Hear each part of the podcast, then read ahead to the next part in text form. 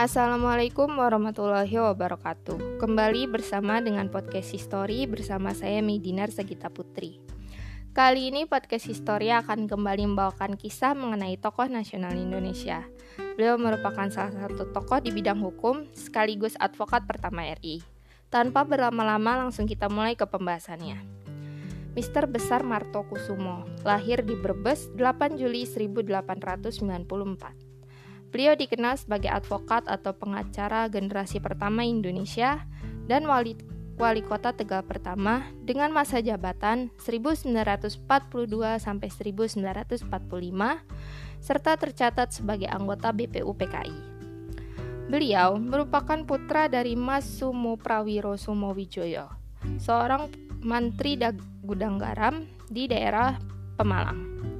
Beliau memulai pendidikan di Europe Large School atau LLS Pekalongan dan melanjutkan ke Horgeburg School di Semarang. Namun tidak sampai tamat karena beliau masuk Res School atau sekolah kehakiman yang dibuka pada pertengahan 1909 dan lulus pada 1915. Nah, di tahun 1919 beliau dipindahkan ke Pengadilan Negeri atau Landrat Semarang. Pengadilan ini khusus menangani para terdakwa kelas 3 atau terdakwa pribumi. Di sana beliau melihat betapa berbedanya perlakuan antara terdakwa pribumi dengan terdakwa warga Eropa. Terdakwa pribumi harus berjalan jongkok dan menunduk ketika berada dalam persidangan. Bagi beliau, itu merupakan salah satu penghinaan dan bentuk merendahkan harkat martabat kaum pribumi.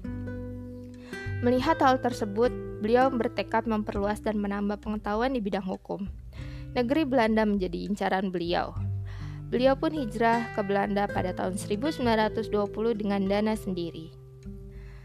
Beliau kemudian melanjutkan kuliah di Fakultas Hukum Universitas Leiden dan lulus di tahun 1923 dan pulang ke Hindia Belanda dengan membawa gelar Mr. in Rechten atau MR. Beliau juga membuka firma hukum di Tegal. Beliau juga ikut menjadi tim pembela bagi para pemimpin partai PNI ketika diburu dan dibawa ke persidangan oleh pemerintah kolonial Belanda.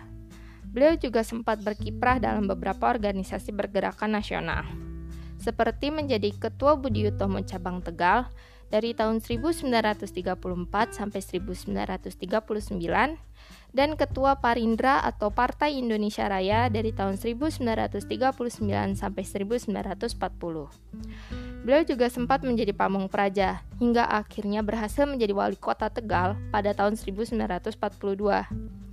Nah, di era Indonesia Merdeka, beliau kemudian diangkat menjadi residen Pekalongan, kemudian menjadi residen Semarang. Nah, awal revolusi, beliau bersama residen Banyumas yaitu Bapak Iskak Cokro Adisuryo berhasil mendapatkan senjata militer Jepang melalui jalur diplomasi. Nah, senjata tersenjata tersebut kemudian menjadi senjata bagi tentara Republik.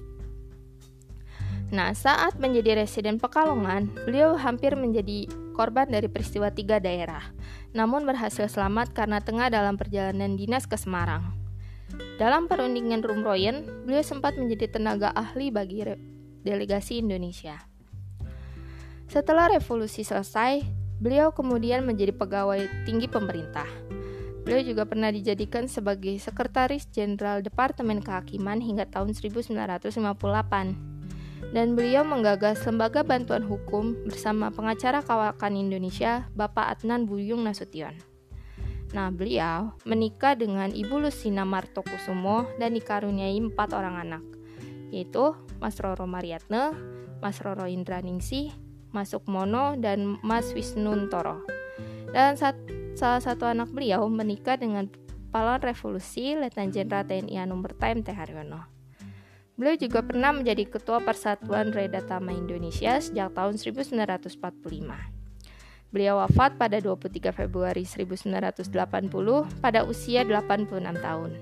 Sekian yang dapat podcast hari ini sampaikan. Terima kasih sudah mendengarkan. Semoga bermanfaat. Salam.